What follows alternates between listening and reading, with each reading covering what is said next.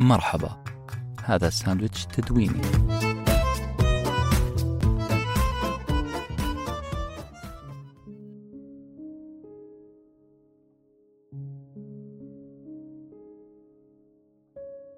قصتنا اليوم عن امرأة قدمت كل شيء للعلم. امرأة صنعت مجد وخط الطريق ليس فقط لها بل لمن بعدها. 88 عام مرت على وفاتها.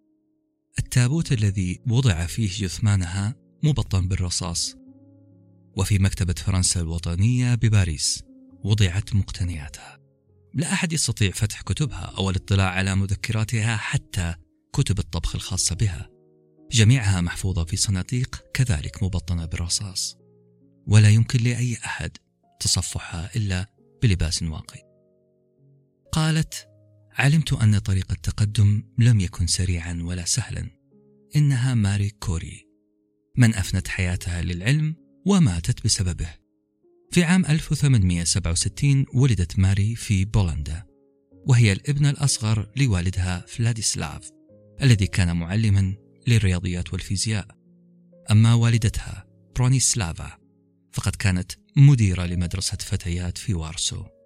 ماري ومع بداية حياتها وهي بعمر الأربع سنوات فقدت حضن والدتها.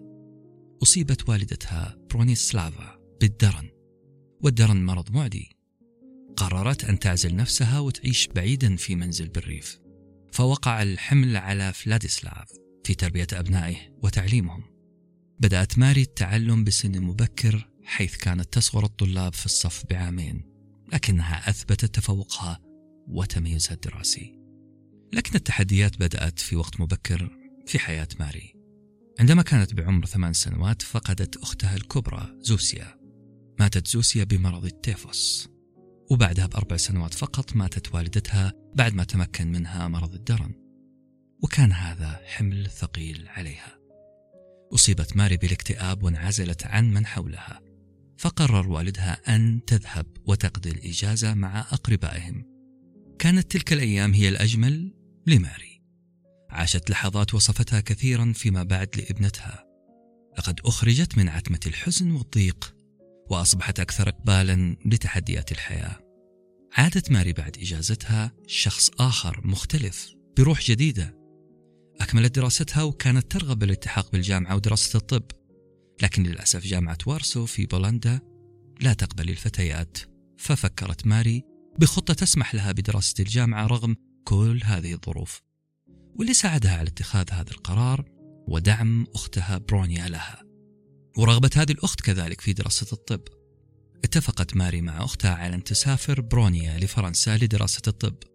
وتعمل ماري كمربية أطفال بحيث ترسل لها تكاليف دراستها حتى تنهي هذه الدراسة. وبعد تخرج برونيا تعمل الثانية وتدفع تكاليف دراسة ماري. خلال فترة بسيطة استطاعت ماري إيجاد عمل عند عائلة غنية. لاقت ماري تعامل حسن من العائلة لكن بعد فترة قصيرة وقعت ماري في حب الابن الأكبر كازيمير. كازيمير كان يرغب بالزواج منها لكن عندما علمت عائلته بذلك عرض والداه ارتباطه بماري الفقيرة وقاموا بطردها.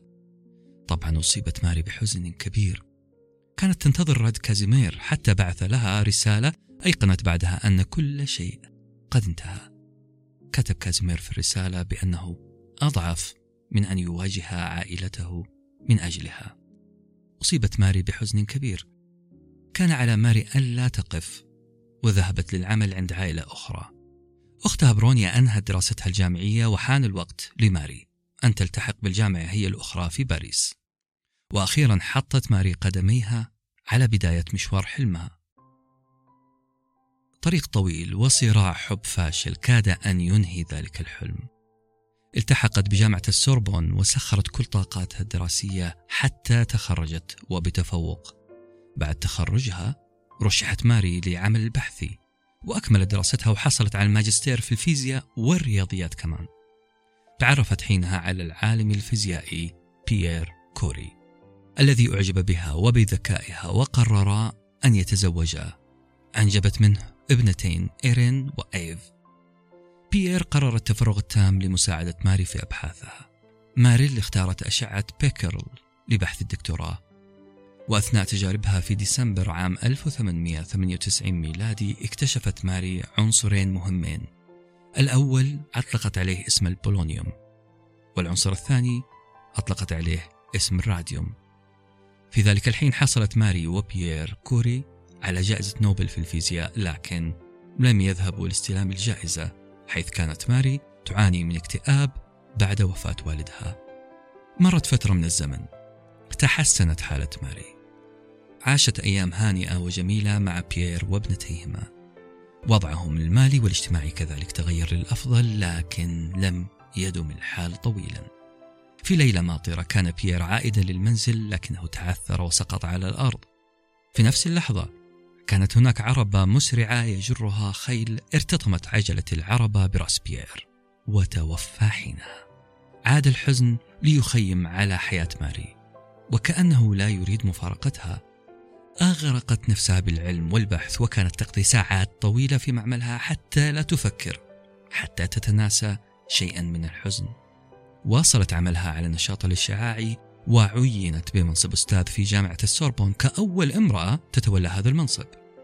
خلال خمس سنوات أصبح معمل ماري مكان يستقطب كل العلماء من كل مكان.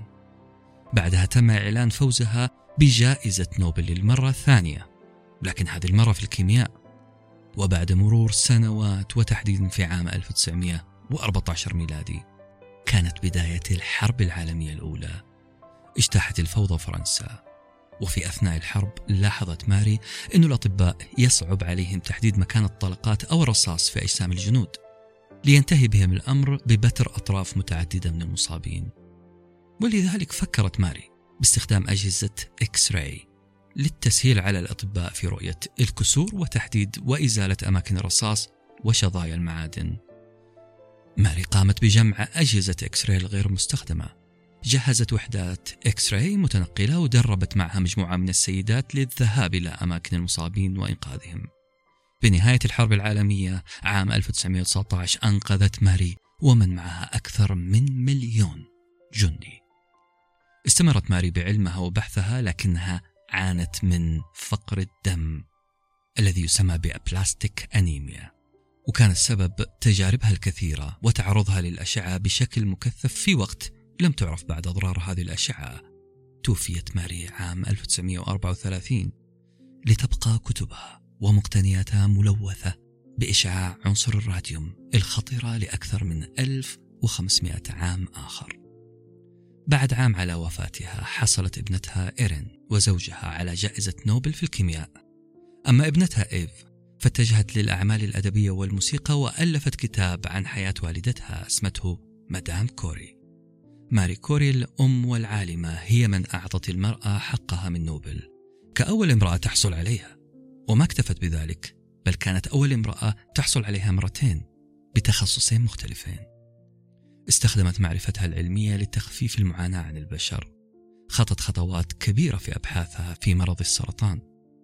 معهد كوري في باريس الذي أنشأ عام 1920 لا يزال من أهم المؤسسات البحثية العالمية في السرطان إلى اليوم. قال عنها نيكولاس موري رئيس جامعة كولومبيا آنذاك عند تكريمه لها.